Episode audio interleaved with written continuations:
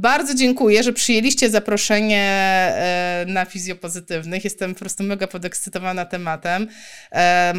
Nie wiem, czy powinnam coś powiedzieć więcej. Od, od jak dawna prowadzicie Holimedikę i od jak dawna siedzicie w temacie fizjoterapii stomatologicznej? Zawsze, ja zawsze liczę, ile lat jesteśmy y, po ślubie i jeszcze musimy dodać rok. Czy. Czy, czy, czy, ja będę dobrze pamiętał, która rocznica? no nie, 9 lat. Wow. 9 lat prowadzimy Holimedikę i w zasadzie mm, krótko prowadziliśmy bez rehabilitacji stomatologicznej. Później nam się zaczęła cała, e, cała przygoda z stomatologiem, która trwa do dzisiaj. Szacun. 9 lat to kawał czasu i przez ten cały czas e, swój, jakby swoja, swój własny ośrodek, a teraz prowadzicie również szkolenia i jeszcze sprowadzacie profesora, e, słynnego profesora od e, fizjoterapii stomatologicznej, profesora Rokabado, prawda? Dobrze, tak, dobrze kojarzę? Tak, tak, tak. No to... Mentor, go, go kochamy, zawsze go spotykamy, ja zawsze mówię do niego Mariano, you know I love you, także E, tak. No i też warto powiedzieć, że on jest fizjoterapeutą z wykształcenia. jest profesorem ortodoncji, ale jest doktorem fizjoterapii. E, taką, taką ikoną na świecie e, w zakresie stawu skroniowo-żuchowego z 50 lat doświadczenia. Także no, taka niesamowita osoba, która nam otworzyła oczy na to, co my robimy, jak robimy, dlaczego to działa albo nie działa. Także, także jeździmy za nim wszędzie, gdzie tylko możemy.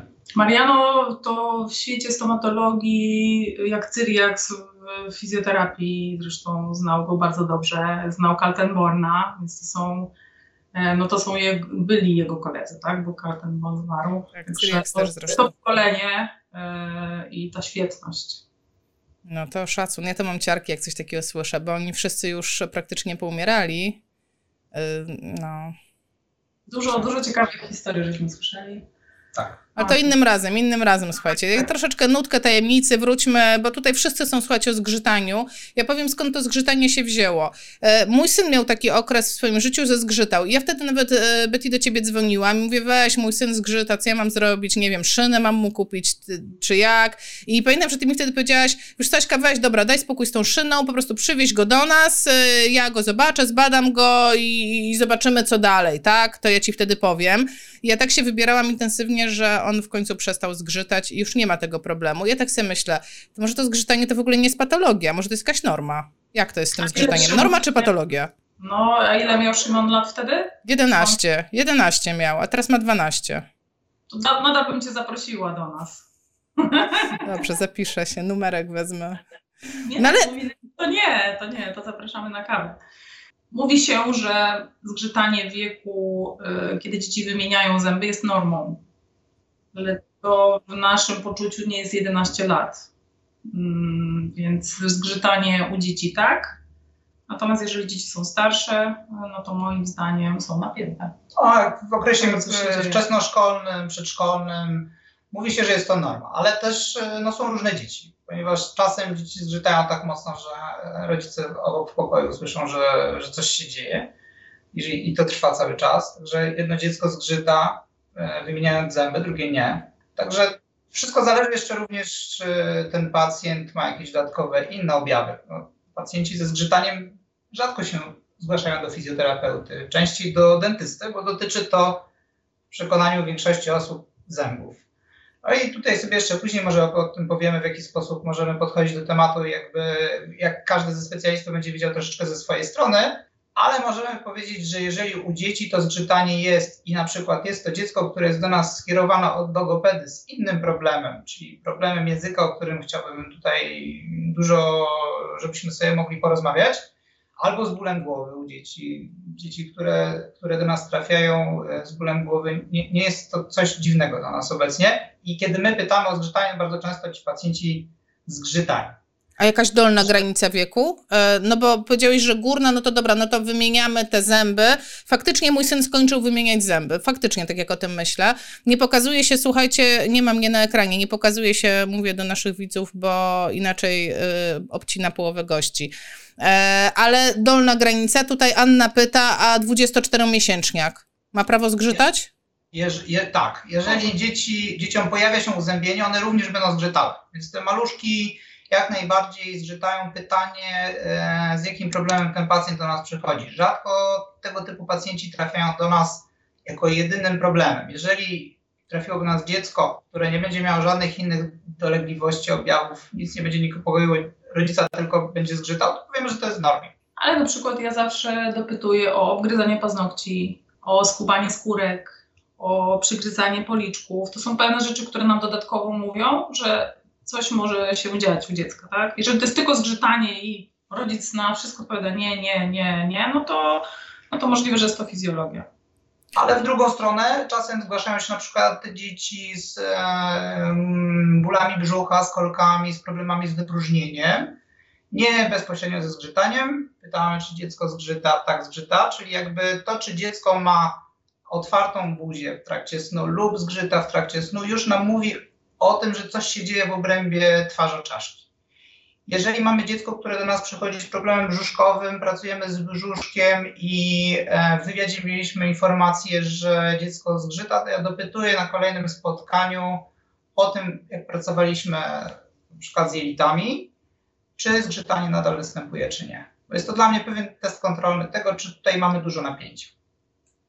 Tak słucham i słucham i ani razu nie zająknęliście się o najpopularniejszym. Ja nie wiem, czy to mit, powiedzcie, czy to jest mit, bo ja tak zawsze słyszałam, o, zgrzyta robaki ma robaki ma, musisz go odrobaczyć, aż się wrzucę po prostu na chwilę na ekran. Aśka robaki musi po prostu wziąć te proszki i zobaczysz, jak ręką odjął, on przestanie zgrzytać i wiecie co, ja nawet teraz to zrobiłam. Cała rodzina wzięła proszki na robaki od lekarza, żeby nie było. To nie to, że nas wymysł, ale nikt nie przestał zgrzytać, a nikt nie, nikt nie przestał chorować. To tak. To znaczy, że to nie była przyczyna. E, generalnie ja nie znam żadnej literatury, która by potwierdzała ten mit tudzież nie mit, ale mamy takich pacjentów, którzy mówią, czy rodzice mówią, że po odrobaczaniu, po odrobaczaniu przestało. Natomiast my, my, nie, my nie kierujemy na to odrapaczanie, tak powiem. No to jakby nie jest nasza rola, ale doświadczenie zawodowe mamy takie, że czasem pacjenci, rodzice pacjentów mówią, że rzeczywiście po odrobaczaniu zgrzytanie ustąpiło. Jeżeli będziemy traktowali zarobaczenie pacjenta jako coś, co stymuluje układ autonomiczny pacjenta, e, nadmierne napięcie powłok brzusznych, to być może to ze zgrzytaniem będzie szło, więc w ten sposób patrząc, to możemy to łączyć, nie? Wiesz co, a Wiesia pyta, e, zgrzytanie tylko przy infekcji dróg oddechowych. E, I teraz jak powiedziałeś, że dobra, no to jest to pobudzenie układu autonomicznego, nie wiem, no to większe obciążenie, większy stres, może się tak zdarzyć, że to jest takie okresowo związane z jakimś dodatkowym obciążeniem? No tak, dlatego że to dodatkowe obciążenie będzie jakimś, jakąś formą stresu dla ciała. Czy to będzie infekcja, czy to będzie przewlekły stres, czy to będzie y, ból, na przykład ból głowy, no ten pacjent może gdzieś tam zwiększać swoje obciążenie w obrębie mięśni żujących i wtedy zgrzytać. Jeżeli to jest dziecko, ale to mówimy o dziecku, tutaj osoba pyta o dziecko, czy pyta o osobę dorosłą? Mm, trudno powiedzieć, tylko, tylko tyle było, że przy infekcji. Wiesia, napisz nam. Wiesia, napisz nam, czy, czy to o dziecku mówimy, czy o dorosłym. No to bardzo ciekawe pytanie. Przyznam szczerze, że nie miałem takiego pacjenta, u którego tylko przy infekcji nasilałoby się zgrzytanie. Częściej, Ale to może być okresowe. Może być okresowe, na przykład jeżeli dziecko zgrzyta tylko w tygodniu. Bo bym się zapytał, jak się to ma w swoim przedszkolu albo w szkole, tak? Czyli to może być pewien czynnik emocjonalny, który będzie wpływał na to, że że wiesz, że, że idzie do szkoły i tam nie lubi chodzić do szkoły i tam gdzieś się spotyka z, z nadmiernym napięciem, które sobie buduje i wtedy wieczorem jak przyjdzie spać, zaczyna zgrzytać, nie? To jest tak jak z nami, mamy gorszy czas. Ja sama wiem już po sobie, bo też jakby wiele rzeczy spróbowaliśmy na sobie. Więc ja też nosiłam na przykład szynę, o której może wspomnimy lub nie. I też wiem, kiedy mam gorszy czas i kiedy na przykład zaciskam zęby. Ja nie zgrzytam akurat, ale wiem, kiedy budzę się z, właśnie z napiętą żuchwą, bo mam bardziej intensywny okres, nie wiem, wiadomo, różne rzeczy się dzieją e, w pandemii również e, i wtedy tak, a jak mam lepszy czas, czy nie jestem aż tak, nie wiem, zmęczona, stresowana, no to, to tego nie widzę, więc infekcja myślę, że też jest e, obciążeniem, ale ja nie miałam takiego pacjenta. No ale e, słuchajcie, bo na razie tak jakby krążymy wokół tematu e, psychosomatycznego, można powiedzieć, czyli doszukujemy się jakichś stresów zewnętrznych, które wpływają na tego człowieka. E, Wiesia napisała, że w tym wypadku to był dziesięciolatek.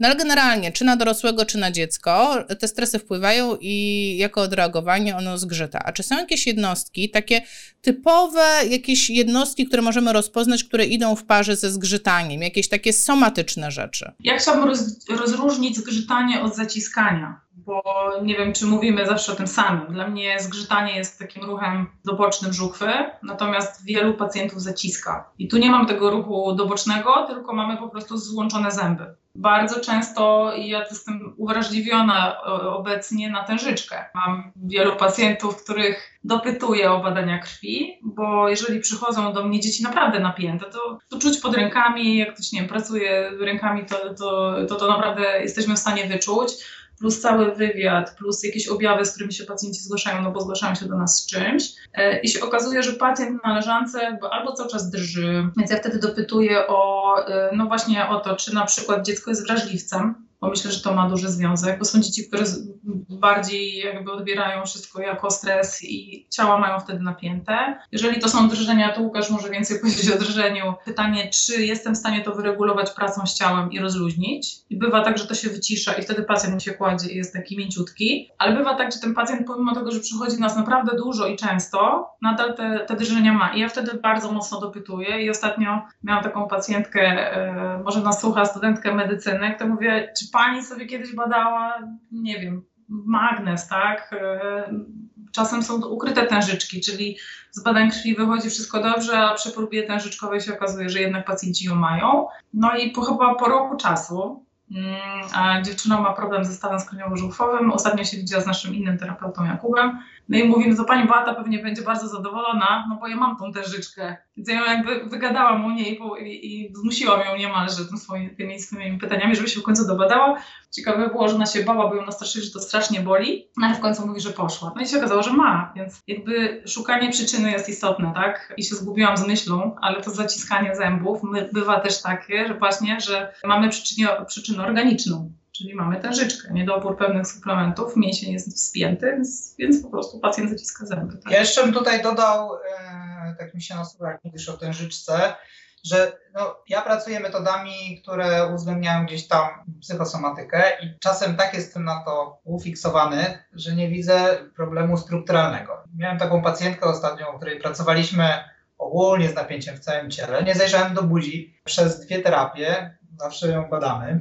I okazało się, że pacjentka ma tak krótkie wędzidełko języka, że nie, nie ma szans na, przy tak krótkim wędzidełku języka, żeby ona miała prawidłową pozycję spoczynkową języka, który to powinien znajdować się, mówiąc ogólnie, w, na podniebieniu w pozycji spoczynkowej. Wtedy, jeżeli będziemy mieli bardzo duże napięcia w dnie jamy ustnej, nieprawidłową pozycję spoczynku języka, to też to będzie stymulowało nasze mięśnie unoszące żuchwę do napięcia nadmiernego, więc e, ta jakby anatomia też jest istotna, mechanika jest istotna, to jak pacjent ustawia głowę, czy nie wysuwa jej nadmiernie do przodu i w jaki sposób przełyka, to są wszystko rzeczy, które jakby też składają się na to, że ten pacjent może nadmiernie zaciskać zęby albo zgrzytać zębami plus, y, plus zgryz. Też czytałem komentarze przed y, naszym spotkaniem, pod, y, pod spotkaniem, że no, co tutaj możemy więcej powiedzieć o relaksacji, poza relaksacją, poza ortodoncją i już nie pamiętam, co tam jeszcze było. Moim zdaniem język jest niezwykle istotny. Czyli musimy zadbać o to, żeby hmm, napięcie mięśniowe w obrębie jamy ustnej było zrównoważone, a to, w jakiej pozycji jest język, będzie na to wpływało. Więc jeżeli tutaj będziemy myśleli o tym, co możemy pokazać jako taką najprostszą rzecz dla wszystkich osób, które zaciskają same zęby albo mają pacjentów, u których taki problem się pojawia, to jest jedna z prostych rzeczy, którą będziemy w stanie pokazać. E, I to jest rzecz, którą dajemy w zasadzie wszystkim pacjentom na początek, żeby zobaczyć, jak oni e, zareagują z napięciem. Taka rzecz, ciekawa rzecz u, przy krótkich wędzidłach podjęzykowych yy, to jest taka, że pacjent, ponieważ ma tak krótką strukturę, a do przełyknięcia śliny potrzebuje unieść język do góry, ci pacjenci sobie za, zaniżają tą pracę wertykalną, więc to nie bardzo często mówią przez zacieśnięte zęby, żeby on w ogóle się mógł unieść do góry. to są, i to bardzo często jak przychodzi do mnie pacjent mówi, że no wszystko go to boli, no to ja już mam pewne podejrzenia, jeśli chodzi o język. Tak? A czy... każdy z y, osób, każda z osób, która teraz jest przed ekranami, może po prostu przełknąć ślinę, zobaczyć, czy e, bardzo mocno kontaktuje zęby ze sobą, czy napina mięśnie twarzy w trakcie tego, jak będzie przełykał, czy przełykała ślinę. Można sobie też położyć e, palce na potylicy nisko i zobaczyć, czy napinamy mięśnie podpotyliczne w trakcie przełykania śliny, jeśli mamy tą ślinę, czyli musimy zrobić raz, później najwyżej się czegoś napić. I z zasady przełknięcie śliny... Sprawdziłam, sprawdziłam. Nikt, nikt mnie nie widzi oprócz was, sprawdziłam. Nie, ja mam długie wędzidełko, tak mi się wydaje. Ale możemy zaraz, jak jest jakiś test na wędzidełko, taki fest, to możecie pokazać, to wszyscy sobie zrobią. Można spróbować. Znaczy można spróbować spienizować język. No, no tak, i, i wszyscy wiedzą, tak, po prostu czuję się, jakbym wiedziała, co znaczy spienizować. Aż się normalnie włączam. Po prostu, tak, Aśka, weź sobie spienizuj język. Nie, ja tak zawsze. E, to ja, to ja już tłumaczę po. E, tak, jak ludzku, tak? po ludzku, po ludzku ja poproszę. Też pacjenci, proszę Pani, co to znaczy spienizować język? Czubek języka kładziemy za górne zęby w jamie ustnej, tam nie, w środku, tam za Wiecie, się muszę wrzucę, wrzucę się, wrzucę się na ekran. Aha. Aha, I taką fałdkę yy, i tam się powinien położyć czubek, natomiast cały język powinniśmy umieć wkleić jak kobrę, czyli do góry. Ja się zbliżę. Czyli musisz spróbować zrobić taki ruch, jak A, wiecie, zakląskać. Spróbuj kląsknąć. Aż się boję, aż się boję, co to wyszło. Wszyscy to, mam nadzieję, słuchajcie, że nas oglądacie i że wszyscy to robią. Mam taką tak. nadzieję, że teraz też się dzieci zastanawiacie, co z waszym wędzidełkiem. No ale to co, to dobrze czy niedobrze robię, bo ja już nie wiem. No, no masz duży problem. Zobacz, zobacz na twoją szyję, zobacz na... Y, no i pytanie, czy umiesz go zostawić na górze całego? Gdzieś popatrz na szyję swoją, ile napięcia masz. Spróbuj kląsknąć. Spróbuj zakląskać tak jak O, widzisz? I zatrzymaj to na górze teraz. Patrz. Ale to patrz. ja robię, wiesz, ja mówię... Właśnie.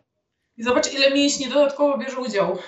Nie, no i nie, ja się rozłączam. I tu już mam komentarze na czacie, kiepsko, nie poszło mi. Ja jestem przyzwyczajona do doskonałości, a tutaj okazuje się, że język nie ten. No i pięknie, i pięknie, i pięknie. Podetniemy, podetniemy, słuchaj, nie ma problemu. Nie, no przestańcie, nie piszcie mi już takich rzeczy. Kasia.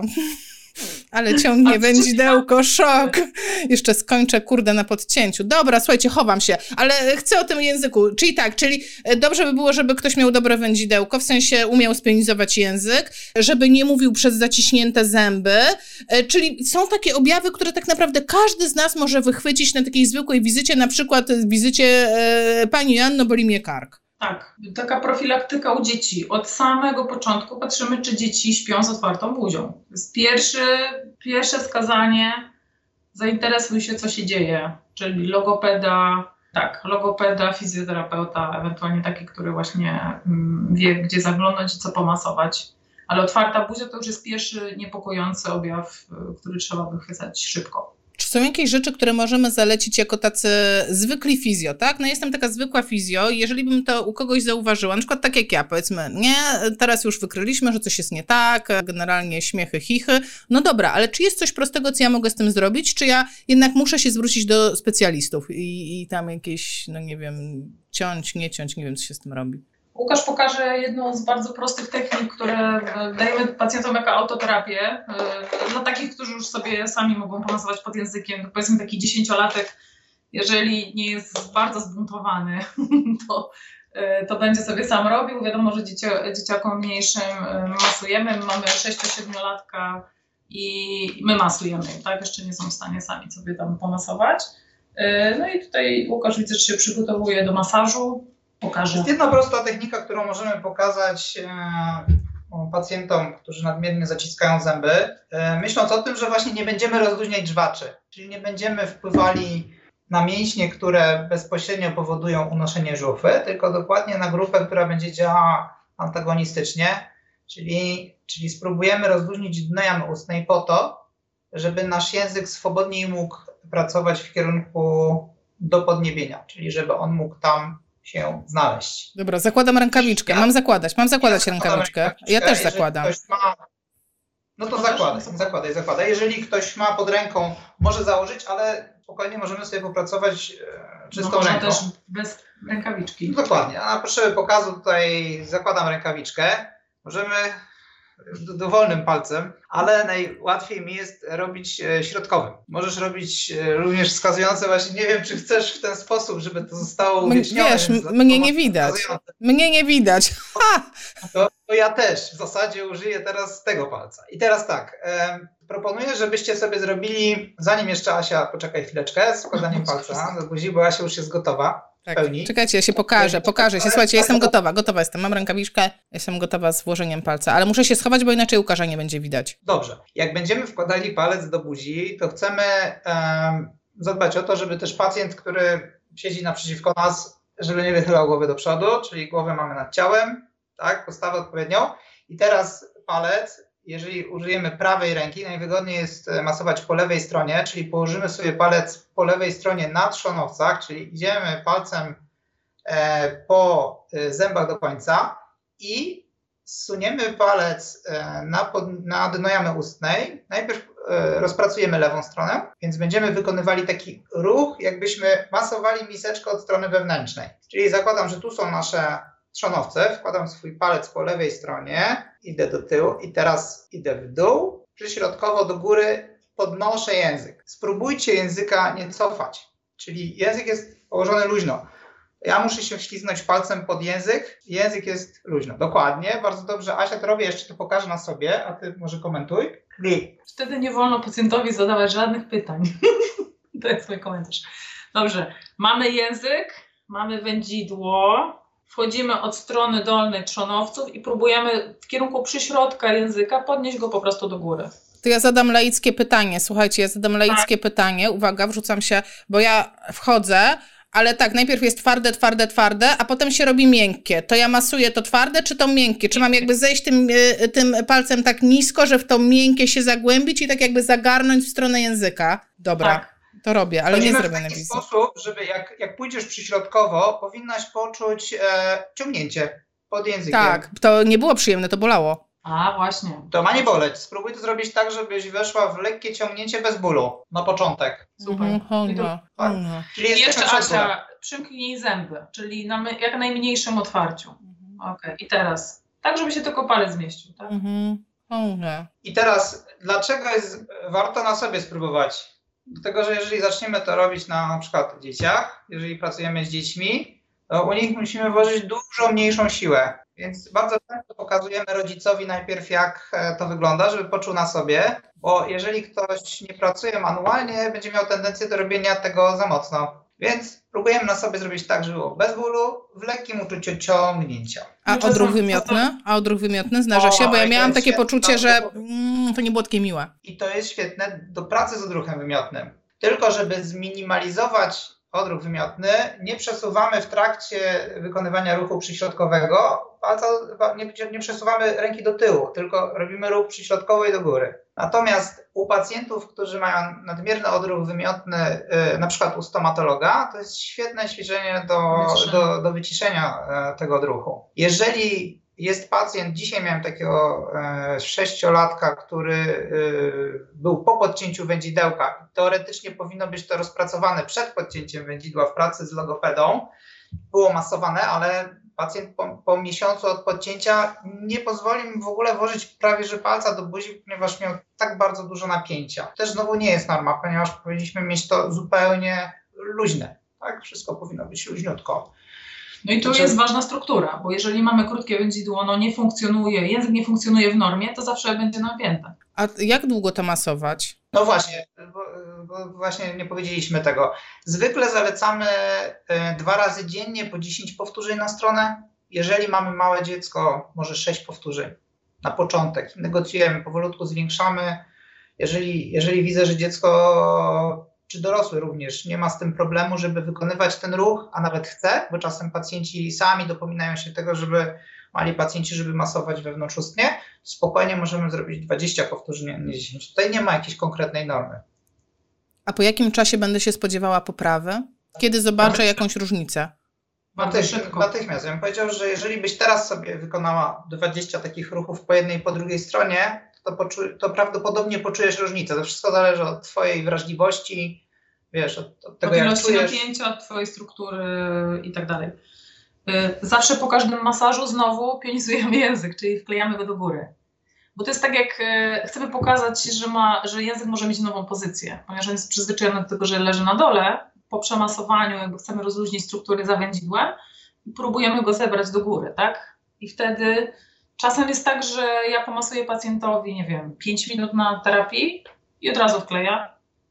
Ale mam już też takich, yy, mam takiego pacjenta teraz, który mnie frustruje, bo po prostu ten język jest tak nie, tak się nie słucha, że nie, nie jestem w stanie w ogóle wyegzekwować od niego pieniędzy. Więc to, no ale to są już tacy pacjenci naprawdę zaburzeni, z dużym problemem w stawach i tak dalej, tak? Ale generalnie nawet na kursach czasem jest tak, że jak pokazujemy to, to lekarze, logopedzi mówią, wow, jak to szybko, jak to szybko, więc... E, więc czasem szy, szybko. Paulina też... pisze, czekajcie, Paulina pisze, że czuć jest łatwiej, e, a będę wam troszeczkę przerywać, bo tutaj na e, czacie pojawiają się pytania. E, czy takie coś na przykład jest jakimś remedium może na chrapanie? No, chrapanie to jest na pewno problem, który jest związany z pozycją języka z tym, czy pacjent ma otwartą buzię, czy nie, jak wyglądają drogi oddechowe, y, jaka jest proporcja żuchwy do szczęki. No to są już, y, to są już tak, y, jakby holistyczne tematy. Natomiast, tak jak nasz Mariano mówi zawsze, że jest moda w stomatologii na coś, i to idzie dziesiątkami, czyli na przykład było 10 lat krążkowy, czyli wszyscy się zajmowali krążkiem w stawie. I to idzie moda. I na przykład teraz jest właśnie bezsenność, y, chrapanie drogi i drogi oddechowe. Czyli teraz mamy boom na drogi oddechowe, wszyscy chcą to mierzyć oczywiście bardzo dobrze. Y, natomiast to jest związane też y, no, z językiem na pewno.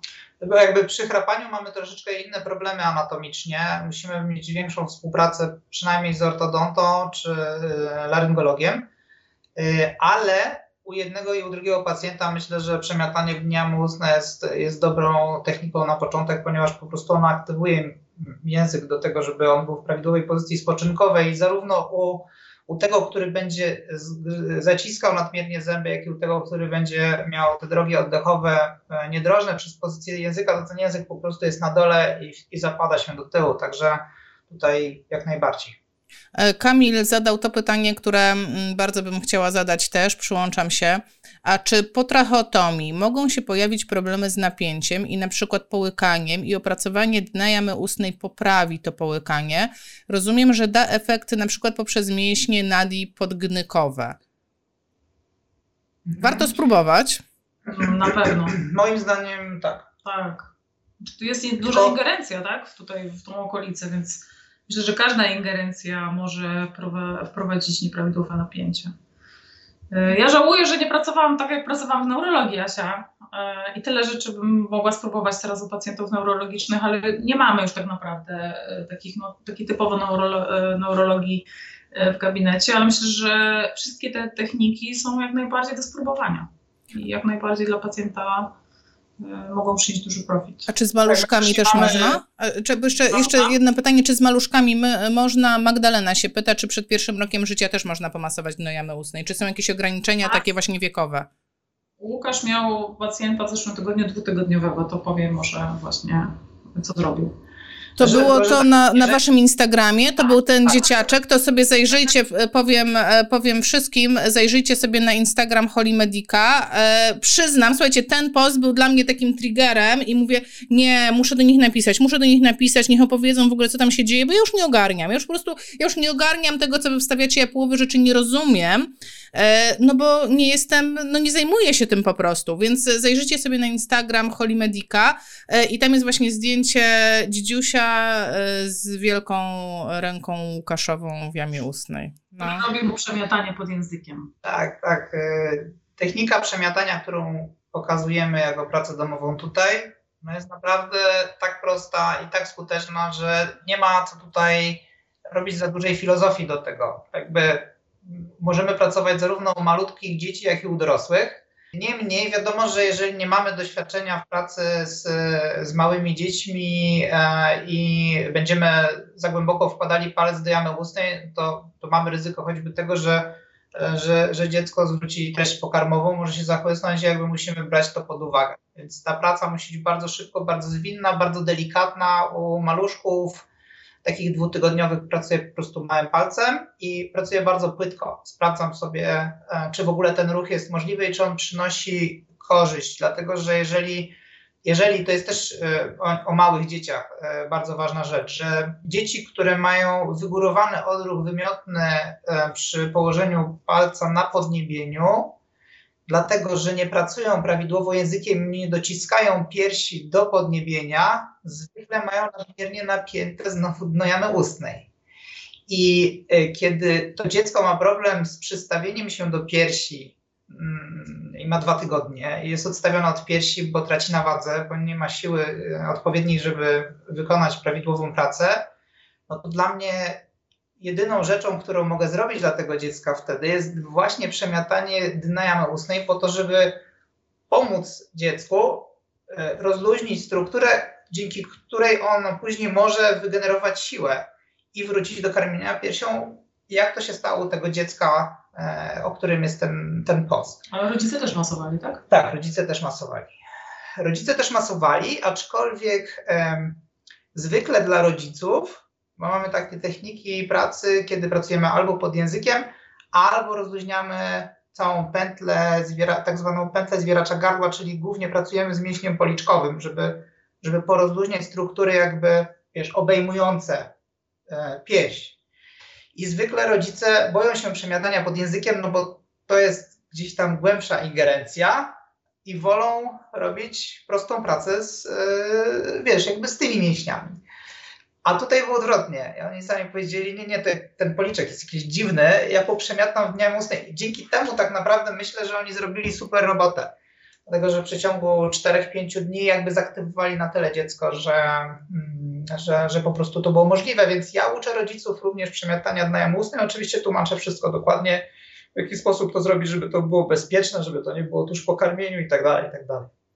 Taką, wiecie co mnie, jak, jaka taka mnie refleksja nachodzi, bo zazwyczaj jeśli miałabym problem z karmieniem dziecka, to szukałabym e, pomocy u doradcy laktacyjnego czy u doradczyni, tak? I do głowy by mi nie przyszło, żeby zwrócić się do fizjoterapeuty. Mówię szczerze. Bo zwykle ci pacjenci nie zgłaszają się. E. To, to jest naturalna, e, naturalna droga, że mamy doradców laktacyjnych od tego, żeby nauczyć rodziców i nauczyć dziecko w jaki sposób przystawić się do piersi. Część doradców laktacyjnych pracuje manualnie. E, część osób e, jakby jeździ na szkolenia takie, gdzie całą tą pracę w jamie ustnej robią, e, no ale czasami też tak jest, że po prostu na tą pracę manualną kierują bezpośrednio do mnie, żebym po prostu popracował gdzieś tam bardziej dokładnie.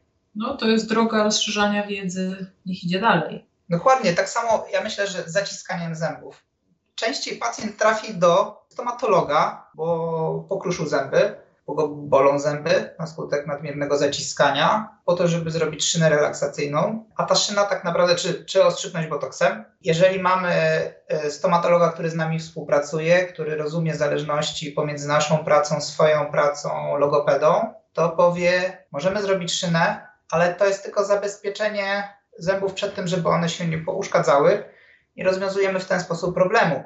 Z drugiej strony, kiedy my pracujemy z tym pacjentem, który do nas się zgłosi, potrzebujemy wsparcia stomatologa w drugą stronę, żebyśmy my, żebyśmy my się mogli zająć e, napięciem mięśniowym, prawidłową pozycją spoczynkową języka i tak dalej, całą pracą mięśniową, ale musimy też wykluczyć ten zgryz na chwilę i no, podjąć później decyzję, dokładnie, e, podjąć decyzję, co z tym dalej robimy, dlatego że jeżeli chcemy, żeby pacjent się wyleczył zupełnie, to potrzebujemy bardzo często wsparcia ortodonty czy protetyka, żeby, za, żeby jakby zgryz był stabilny. A pyta... I jeszcze logopeda. E, pytanie jest od Joanny, a co wy myślicie o tych szynach? No, my wysyłamy na szyny zdecydowanie, e, tylko one muszą być odpowiednio zaprojektowane. E, ja powiem tak, ile szkół ortodontycznych, tyle szyn. Nam się sprawdzają szyny w pewnej konstrukcji one muszą być przede wszystkim niskie, wygodne dla pacjenta. Ja, ja sama nosiłam szynę 10 miesięcy. e, doświadczyłam. Jak mi pacjent mówi, że się nie da, to ja się, to, to mówię, że to jest po prostu ściema. E, szyna tak przy odpowiednich wskazaniach. Czyli jeżeli pacjent ma problemy ze stawami, to bezwzględnie powiedziała, że 99% pacjentów dostaje szynę. Dlatego, że on nam e, odciąża stawy, wspomaga nasze leczenie i stabilizuje, tylko w pewnym koncepcie, czyli po fizjoterapii pacjent idzie na korektę szyny. Natomiast już nie, nie wchodząc w szczegóły, bo e, one są dosyć istotne, ta szyna ma odpowiednie zaprogramowanie, czyli ona jest podparta w pewnych miejscach, w pewnych jest odciążona.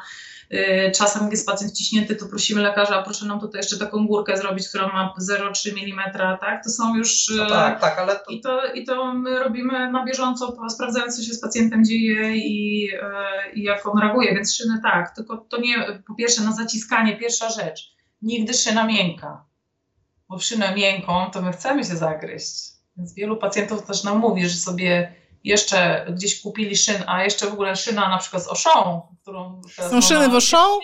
Są szyny nie, w oszą? Zawsze, zawsze wkładki z oszą, ja to tak mówię, proszę nie w oszą, czyli nie w miejscu, gdzie jest wszystko dla wszystkich, tak? To musi być odpowiednie do zgryzu. Natomiast, e, no i to też są różne szkoły. Mam pacjentów, którzy na zaciskanie zębów dostają miękkie szyny i się po prostu tam jest jeszcze gorzej później, tak? Bo w miękkie chcemy się zagryźć, wgryźć jeszcze bardziej, więc musi być szyna twarda. I często to jeszcze z szynami, przepraszam, mhm. rozgadałam się.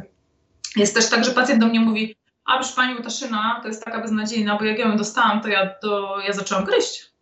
To jest totalnie moim zdaniem nieprawda. My dopiero zaczynamy czuć, że gryziemy, bo mamy twardy akryl. A na własnych ząbkach ktoś zje połowę i powie, czego oni chcą od niego, tak? Czyli nie, nie wiemy, że zagryzamy, no bo nie czujemy. No ewidentnie, jeżeli się pojawia ból, no to pacjent się zgłasza, ale czasem pacjent nie wie, że ma starte zęby. Prawda? Mariano Rocabado mówi, że y, sama szyna znowu nie rozwiąże problemu, no jeżeli no nie, nie będzie no współpracy z fizjoterapeutą. I w drugą stronę my jako fizjo musimy mieć współpracę z lekarzem, więc musimy mieć bardzo dobrą komunikację, musimy wiedzieć z kim, w jaki sposób rozmawiać. E, być w kontakcie cały czas w trakcie terapii tego pacjenta, żeby też lekarz wiedział, co robimy. Więc szyna tak, ale zawsze jest to ale, nie? Że, że gdzieś tam potrzebujemy przede wszystkim komunikacji.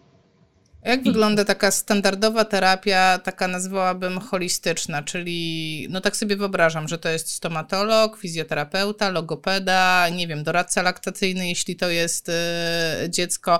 Jakby jak wygląda taki team, jak wygląda taki, jakbyście mogli nazwać złoty standard, żeby pacjentów prowadzić? To nasz złoty standard jest logopeda i lekarz. Naprawdę mamy bardzo dużo pacjentów, którzy są pod opieką trzech specjalistów. No i to się dla pacjentów wydaje często yy, niefajne, nie przechodzą troszkę na wzdyczeni, bo ten ich odesłał do, te, do tego, a ten tak, ale dobre wytłumaczenie, pokazanie, co się dzieje, dlaczego, tak, oni wszyscy zaczynają kiwać głowami, w ogóle wszystko idzie super wtedy, tak, idą i do tego logopedy, tylko po prostu trzeba dobrze wyjaśnić, w czym jest problem. I wtedy działamy z przyczyną, a nie z, tylko i wyłącznie z rozmasowaniem żwaczy, które, które wiemy, że chyba nie, to jest chyba najbardziej popularna technika. My nie masujemy żwaczy. A ja masowałam, patrz, a ja masowałam, tak sobie myślałam, ja sobie tak myślałam, Boże, jak ja mu tak pomasuję tutaj, to on tak będzie mniej zgrzytał. Mój syn tak zgrzytał, że z drugiego pokoju po prostu wybudzał mnie. Nie to, że ja słyszałam, on mnie wybudzał tym zgrzytaniem, także to było takie fest zgrzytanie, ja się bałam, że on zje zęby. To było po prostu przerażające, powiem szczerze. A takie pytanie jeszcze padło od Magdaleny, czy możemy w takim razie założyć, że te techniki e, omiatania, tak, wymiatania? Wymiatania, przemiatania. Mhm. Czy możemy ją wobec tego zastosować profilaktycznie u dzieci, żeby lepiej ssały? U każdego dzieciaczka? Że, że, że to jest bezpieczne i, i spoko? Tak.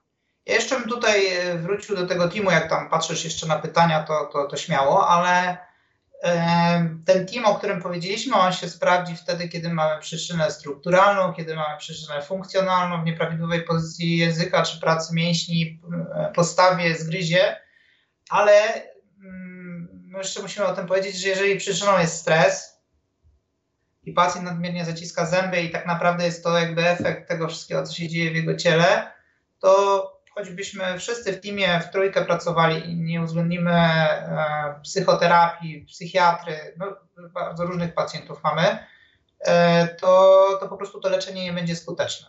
I um, jedna z ortodontek, która bardzo, bardzo z nami dużo współpracuje, bardzo wielu pacjentów teraz, w szczególności w COVID, odsyła do psychiatry. A mieliśmy taką ciekawą pacjentkę z Norwegii, pamiętasz? Tak. Ani przychodziła do, nas na terapię, jeszcze nie weszła i po prostu mdlała, no nie wyskakało jej ciśnienie, po prostu ja się, ba, ja się bałam z nią pracować, bo ona miała tak nieadekwatną odpowiedź yy, właśnie z, od siebie, że nie wiedzieliśmy co się dzieje, no i okazało się, że po dobrym ustawieniu leków, no pani odzyskała swoje życie i po prostu wysyła kwiaty teraz do pani, do ortodontki, która ją wysłała. No i tak, i tutaj nasze, nasze, e, nasza praca z ciałem choćby była, nie wiem jak holistyczna, obejmująca pracę ze stresem, po prostu nie będzie, nie będzie wystarczająca dla tego pacjenta. Więc tutaj zestawem skroniowo-żuchwowym czy z zaciskaniem zębów musimy też, e, zbierając wywiad, zwrócić uwagę na to, jak pacjent reaguje na stres, choćby mu zadać to pytanie. Jeżeli jeżeli pacjent nam mówi, że on w ogóle nie reaguje na stres w żaden sposób, no to dla mnie to nie jest informacja, ok, w takim razie nie, nie reagujesz, tylko prawdopodobnie nie czujesz swojego ciała, gdzie, gdzie reagujesz. I, i, jak pracujemy z ciałem, to też sprawdzamy, czy pacjent nie zaczyna czuć swojego ciała w różny sposób. Nie? Poza tym, jeżeli reagujesz na stres, to w jakich rejonach ciała? Być może jest to właśnie zaciskanie zębów. Pacjenci zaczynają zwracać uwagę na to, co jest problemem, i jest taka grupa pacjentów, która mm, mówi, że na przykład, jak się pytamy, czy, czy kiedykolwiek miała jak, jakąś historii e, pracy z psychoterapeutą, mówi, że, że nie, że nie, nie miała takiej potrzeby, a później po pracy z ciałem okazuje się, że rozluźniamy tego pacjenta, zmniejsza się napięcie i ono cały czas wraca. I pacjent zaczyna sobie linkować, że jest to związane na przykład z reagowaniem na stres cały czas i po prostu my pewnych rzeczy e, od strony reakcji ciała związanych z e, emocjonalnością po prostu nie załatwimy w ramach swojej pracy, nie? Więc wtedy może mniej logopedii, a może, może gdzieś myślenie o tym, żeby pacjent skorzystał z pomocy psychoterapeuty, jeszcze się... takiego, który rozumie ciało. I ważne jest, znaczy ja się zawsze pytam teraz, czy pacjent przyjmuje jakiekolwiek leki na stałe i co się okazuje, że gro naszych pacjentów nastoletnich jest już na antydepresantach. I to jest już w naszym gabinecie niestety normą. Wielu pacjentów jest pod opieką psychiatrów i to już jest młodzież, e, więc często warto dopytać, ponieważ te leki też mają efekty uboczne i bywa na przykład, że nie wiem, szumy w uszach mogą być spowodowane e, lekami. Już wchodzę w następny objaw. Ale poczekaj, przy, przy zaciskaniu zębów, jeżeli e, są to antydepresanty, to też warto wziąć pod uwagę, że one mogą zwiększać napięcie mięśni e, e, żujących. W związku z tym dla nas to, jeżeli ty na przykład mówiłaś o tym, o jakich pacjentów możemy spodziewać się nadmiernego napięcia, tak, u pacjentów, e, u który, którzy przyjmują antydepresanty, zależy wszystko jakie, ale mówiąc ogólnie, mo, może to być czynnik, który powoduje e, nadmierne zaciskanie zębów. No i teraz I po prostu. E, przepraszam, ale po prostu chcę Wam powiedzieć, że już rozmawiamy 50 minut. Wiem, jest to szokujące. E, ale obiecaliście i to się właśnie ładnie wiąże z tym, co teraz zaczęliście mówić, że y, pacjenci na antydepresantach, troszeczkę wchodzimy w pacjentów dorosłych, no, zgrzytanie, zaciskanie zębów, bóle głowy, obiecaliście o tym powiedzieć i ja będę do tego dążyć. Tu są pytania inne na czacie, słuchajcie, widzę je, ale nie zadam ich, bo wtedy nie starczy nam czasu na bóle głowy, a ja chcę usłyszeć o bólach głowy. Ja chcę, bo tych pacjentów, jeszcze o ile tych ze zgrzytaniem, to tam powiedzmy, że przeciętna osoba nie ma tak dużo, ale bóle głowy, no to jest norma. One idą w parze już po prostu ze wszystkim. Po prostu co pacjenta nie zapytam, tak, tak, bóle głowy, bóle głowy, bóle głowy. Więc e, ja, prosimy o bóle głowy. No.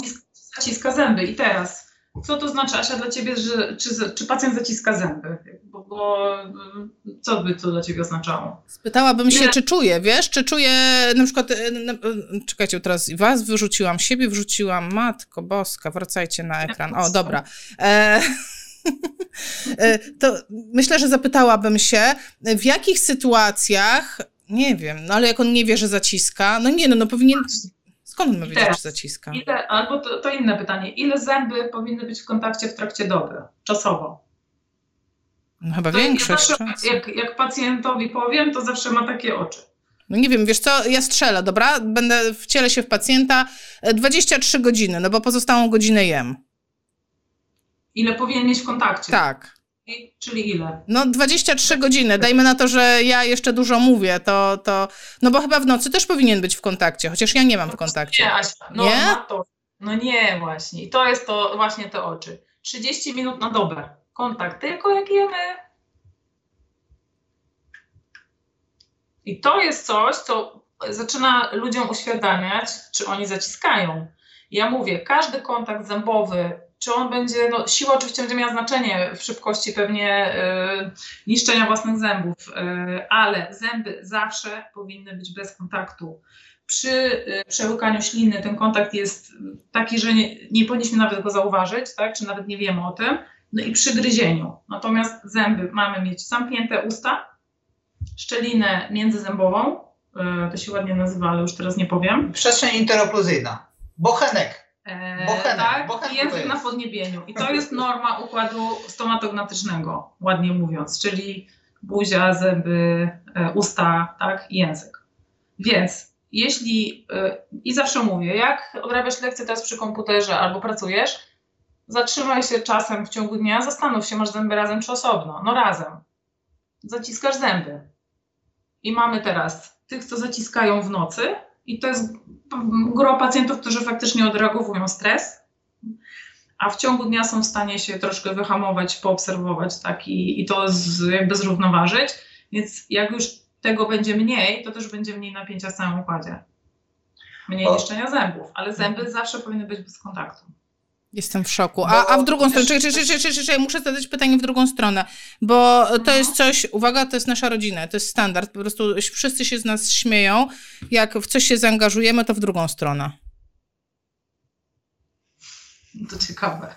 Więc wiesz, więc... E, Znaczy, powinna być w kontakcie, no ale ja rozumiem, że mamy te przyruchy takie, mm, tak jak malujemy albo robimy coś trudnego, no to, no to nie, ale no pytanie, ile z tą otwartą buzią siedzisz, tak? Myślę, że to jest taka, taki przyruch trochę. Yy. Natomiast jakbyś siedziała przy telewizorze, tak, ale nie oglądasz nic, wiesz, jakiegoś zadziwiającego albo nie słyszysz, ile zęby powinny być w kontakcie, to to jest otwarta buzia dla mnie. no właśnie. Dzieci przed telewizorem, tak. Też No to warto jest- powiedzieć, że jest e, akademicka dyskusja o tym, e, jest jakby, wiesz, e, część środowiska e, gdzieś tam w stomatologii, która uważa, że zęby powinny być w kontakcie. My się trzymamy tego, co nam się w praktyce sprawdza i czego uczy też profesor Okabato. Jakby zęby powinny być, powinna być minimalna jednak przerwa pomiędzy nimi zachowana, żeby one były rozluźnione. Natomiast to jak, jak, jeśli wywalasz język do przodu, jak się skupiasz, no to jakby ten cały układ masz niedomknięty. I teraz pytanie pewnie czemu? No, oczywiście, kiedy się skupiamy na czymś, co jest dla nas przyjemne, no to też musimy pozwolić sobie na ekspresję i to wywalenie języka może jest po prostu potrzebne, ale z założenia usta powinny być połączone z pozycją spoczynkową języka w podniebieniu z lekko rozkontaktowanym z gryzem, bo dzięki temu, że ten język wiesz, siłą e, podciśnienia jest położony na podniebieniu, twoje mięśnie rzucia mogą być luźne. E, Od razu pojawiło się pytanie. Brygida pyta, a czy dobrze jest, jeśli przy zamkniętych ustach język jest pomiędzy zębami, leży na zębach? Nie, Na podniebieniu. na podniebieniu. Pacjenci też mówią, to przy pani ja zaciskam, to zacząłem tak robić.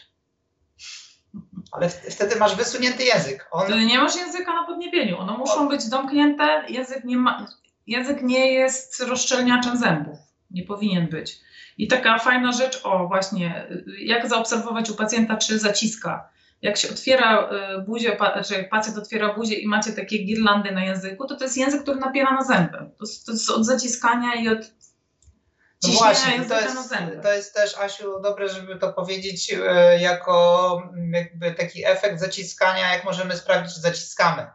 No bo jak nam partner mówi, że, że, że zgrzytamy i nas wyrzuca z łóżka, to wiemy, że zaciskamy. Tak? Jak nam stomatolog powie, że kruszymy zęby albo je ścieramy, czyli pewnie zaciskamy, to my nie wiemy, czy my już przestaliśmy zaciskać, kiedyś zaciskaliśmy, czy od ostatniej wizyty, kiedy stomatolog nam zrobił jakieś, jakąś pracę protetyczną, e, zjedliśmy. No to wtedy wiemy, że zaciskamy. Ale język i tkanki miękkie w jamie ustnej pokażą nam dużo więcej. Zarówno pogryzienie języka po bokach będzie świadczyło o tym, że zagryzamy, ale właśnie jeszcze policzki. Ponieważ jeżeli po wewnętrznej stronie policzków widzimy takie odciśnięcia, takie pasy tkanki łącznej, które są jakby zgniecione, no to wiemy, że ten pacjent albo ma taki nawyk, że sobie policzki jakieś tak miałem i sobie tam przygryzałem. Wiele osób w ten sposób robi, które właśnie mają dużo napięcia w obrębie e, tych mięśni rzucia, albo właśnie w nocy zagryza, nie? A można przesadzić w dociskaniu języka do podniebienia w drugą stronę? No bo jeżeli będziesz trzymać bardzo mocno napięty język, no to nie, po pierwsze nie wytrzymasz. Jako ćwiczenie tak, bo my jako ćwiczenie dajemy pacjentowi wklej język w podniebienie i oni to robią mocno, ale to musi być na rozluźnionej żuchwie. To nie wygląda tak, tylko luźną żuchwą, tak? Czyli wprowadzamy spokój tutaj, a język zostaje na górze. Ja tego uczę się pacjentów. Czy to są... Bo tak jak ty, no tak jak ty próbowałeś, wiesz, jak jest coś nowego dla ciebie, no to będziesz robiła różne rzeczy, tak? A my to jakby, no, te masaże uwalniają język funkcjonalnie od żuchwy. Chodzi o to, żeby on nie ciągnął tej żuchwy razem ze sobą. No, powinien funkcjonować osobno, tak?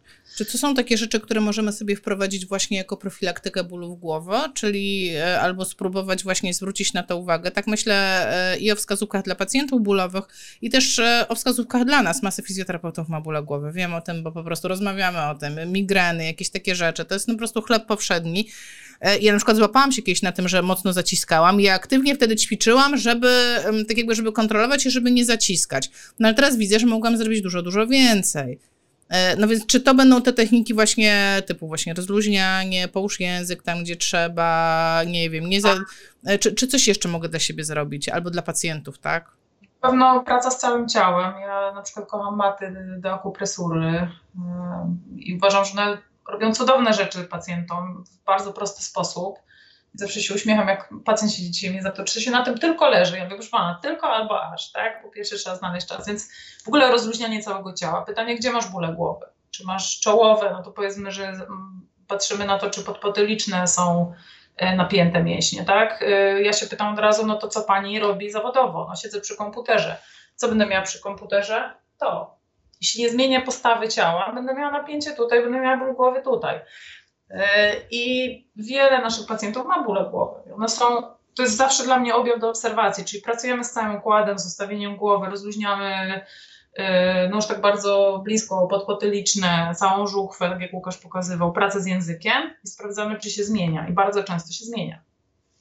Ale też oczywiście no, dla bezpieczeństwa odsyłamy do neurologa, żeby wykluczyć inne strukturalne przyczyny. Jeżeli neurolog mówi, że nic jakby strukturalnego strony układu nerwowego się nie dzieje, no to pracujemy czynnościowo. Tak, jak najbardziej to praca z językiem, ale jeśli masz krótką strukturę i nie uwolnisz tego, no to choćby nie wiem co, będziesz zawsze generować napięcie, tak?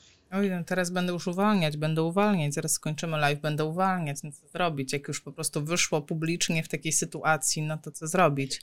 A słuchajcie... No tak nie pokazujemy, bo sami, że tak powiem, doświadczyliśmy, także yy, taka historia rodzinna, mój mąż, jak zaczynaliśmy w ogóle pracę, no to też się okazało, że tam mamy różne yy, przeciążenia i tak dalej. Łukasz poszedł pierwszy sobie podciąć wędzidło, dostał 12 szwów, a ja się go pytałam, po co on sobie takie rzeczy robi E, na starość.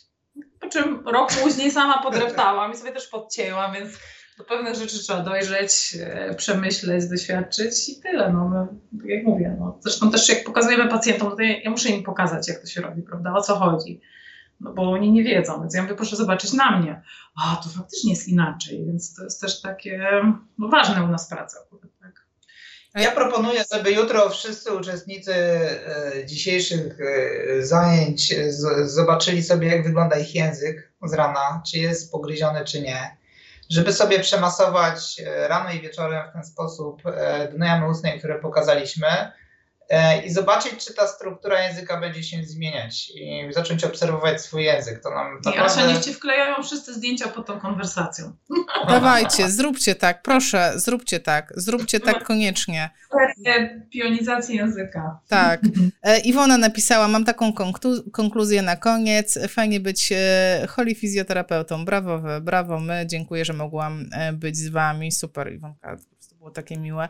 A ja, a ja zadam jeszcze jedno pytanie, takie już finalizujące. Jeżeli ktoś zainteresował się tym, co pokazywaliście, tak, a chciałby poszerzyć swoją wiedzę i nie wiem, wymiatanie to za mało, chcę więcej, chcę więcej, to gdzie może poszukać takiej wiedzy, gdzie szukać informacji na, no, na temat takiej, no chyba nowoczesnej fizjos, fizjostomatologii, mogę chyba użyć tego słowa, co?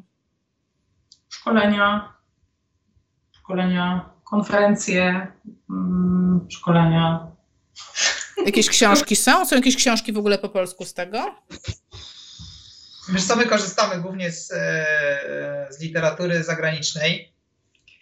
E, napisaliśmy też e, cykl artykułów w magazynie stomatologicznym. One są dostępne przez naszą stronę. Nie wrzuciliśmy ich w linki, ale możemy też pod, pod naszym dzisiejszym spotkaniem jeszcze dorzucić one one były 4 lata temu napisane, e, są w, pod moim CV, ale nie ma ich bezpośrednio okay. oddzielnie, więc ja je podrzucę, bo one są w, online dostępne magazynie stomatologicznym bezpłatnie, więc e, tam można Ale jak tam najbardziej pokazywaliśmy, zasięgnąć. jak rozluźnić żywacze. Tak, no bo pewne rzeczy trzeba też umieć zrobić. To jest tak, że jakby pacjenci, którzy czują ogromne napięcie żwaczy i na przykład praca pod językiem nie jest wystarczająca, czy praca z całym ciałem, czasem musimy działać bezpośrednio i to jest też ok, albo u pacjentów, którzy mają te mięśnie ponapinane na przykład po zabiegach e, chirurgii szczękowej, to jakby stosujemy te techniki, więc ja proponuję, żeby zacząć od tego, bo tam są pokazane proste rzeczy. My też organizujemy szereg e, szkoleń z zakresu fizjoterapii stomatologicznej, poczynając od naszych szkoleń, na których poza tym, że my mamy część swoją fizjoterapeutyczną, wykładowcami są i ortodonta, i anatom, prowadzimy kursy sekcyjne, znaczy ja nie, nie prowadzimy, tylko jakby organizujemy kursy, na których można zobaczyć, jak to wszystko wygląda na, na tkankach e, ludzkich. E, kursy z profesorem Rokabadą, kursy o układzie autonomicznym w czerwcu, jest tego sporo. Także, także serdecznie zapraszamy. Ja powiem tylko jedną rzecz, ponieważ e, my szkolimy zespoły, w sensie, że przychodzą ortodonci. To kiedyś ktoś powiedział, że jesteśmy taką agencją matrymonialną. I to jest naprawdę tak jest, że ludzie przyjeżdżają z różnych miast do siebie i nagle ortodont mówi, ja, potrzebuję fizjoterapeuta, siedzi po, po przekątnej chłopak, który przyjechał z tego samego miasta. Więc chciałam zachęcić fizjoterapeutów do zgłębiania tematów, ponieważ ja mam takie, takie opinie, słyszymy, że to jest wszystko takie drogie, ale to naprawdę się zwróci, dlatego że dużo lekarzy potrzebuje wsparcia i nie szukają tego wsparcia. Mamy wielu lekarzy, którzy pytają się, a masz tutaj kogoś? Nie, nie mamy. Bo jak wysyłają zapytanie, mówimy, a tak, tutaj był ktoś po naszym kursie. I wręcz namawiają ludzi, nie wiem, biorą fizjoterapeutę, chodź z nami na, na kurs, pojedziemy razem. Nie, bo nie wiem, to jest za drogie, tak? Y, to na, naprawdę jest świetny kawał do fajnej roboty, który daje dużo satysfakcji i, i się zwróci, bo jest duża potrzeba rynkowa. Wiesz, naprawdę się... zachęcam naprawdę, żeby, żeby wejść w temat i 8 lat i każdy pacjent jest inny. Po prostu. Tak, prawda. Wiesz, Asia, jak my zaczynaliśmy, chodziliśmy po gabinetach stomatologicznych. Próbowaliśmy rozmawiać, dobry jestem fizjoterapeutą i tylko zastanawiałem się, czy nie zostanę potraktowany jak po prostu domokrążca, nie? I to w ogóle nie działało. I taka moja podpowiedź, jak zacząć, to jest pisać do wszystkich pacjentów, u których e, widać w jamie ustnej aparat ortodontyczny, dobrze jest pisać od fizjo e, informacje dla lekarza, że pacjent z takim z takim objawem zgłosił się do nas, innym może będzie planowane przed leczeniem ortodontycznym e, jakieś, jakaś szynoterapia, albo może będzie potrzeba współpracy, kiedy pacjent będzie miał jakieś objawy i w ten sposób budujemy komunikację z innymi specjalistami, no i później już musimy się dotrzeć, jakby w jakim zakresie jesteśmy w stanie współpracować. Być może to na początek nie będzie praca e, taka, w której używamy i szyn i jakby jesteśmy biegli w tym, co robi stomatolog, ale może na przykład jak się będzie pojawiał ból głowy albo nadmierne zaciskanie zębów przy jakichś zmianach aparatów czy po jakimś leczeniu wewnątrzustnym, to możemy zacząć e, pracować, nie? A tak samo pacjenta, tak? Jeżeli zauważycie, nie wiem, a tu pan ma napięty język, a tu proszę wkleić, a to powinno być tak, to pacjent mówi, hmm, no to super. Ktoś nigdy, bardzo często słyszę, Boże, nikt mnie jeszcze nigdy tak nie zbadał, tak? E, czyli albo byłem na fizjoterapii, no i tutaj mi ktoś masował żwacze, także płakałem.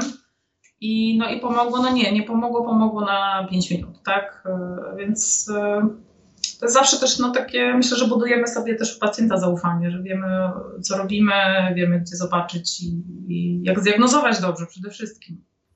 Chciałam powiedzieć, że zbudowaliście sobie zaufanie wśród publiczności, bo już teraz e, są głosy, że to nie może być nasze ostatnie spotkanie, więc e, no cóż mogę powiedzieć, no koni, to nie może być nasze ostatnie spotkanie. No, jest... Bardzo chętnie, jak, jak, widać bardzo lubimy e, mówić, gadać i to jest, jakoś się wkręcamy mocno w ten, temat. Ale to chyba jest taka działka dla mnie z pasji. No ja po prostu ale też no. nie posłodziliśmy Asi. Asiu, właśnie bardzo dziękujemy. Właśnie ja to obiecywałam, że będziemy sobie dzióbki tutaj wysyłać. E, ja bardzo dziękuję za zaproszenie, wyróżnienie, że w takiej grupie tutaj e, wystąpić, także dziękujemy. I jakby ktoś miał pytania do nas, to, to proszę piszcie śmiało. No i teraz... Postaramy się powiedzieć. No i świetnie. Ja bardzo dziękuję. Ja jestem e, przeszczęśliwa, że e, poświęciliście ten czas e, dla mnie i dla fizjopozytywnych. Z tymi pytaniami to sami żeście sobie pogrzebali, dlatego że na czacie jest mnóstwo pytań, których ja już nie zadam, bo nie ma na nie czasu, ale jeśli znajdziecie czas, żeby przejrzeć czas, czat i popatrzeć, myślę, że też dobrym, dobrym, dobrą rzeczą będzie, żeby wkleić linki do waszych szkoleń, żeby osoby zainteresowane mogły sobie popatrzeć pooglądać i aż sama mam ochotę za, zajrzeć, co to za droga cena, co, co, co to za droga cena, bo po prostu ja już jestem, ja już jestem zaciekawiona. Także jeszcze raz, bardzo, bardzo dziękuję. Jak się zbliżycie, Łukasza nie widać, Beatę widać, ale jak się zbliżycie, o, teraz was widać obydwoje, e, to jeszcze raz, bardzo, bardzo dziękuję.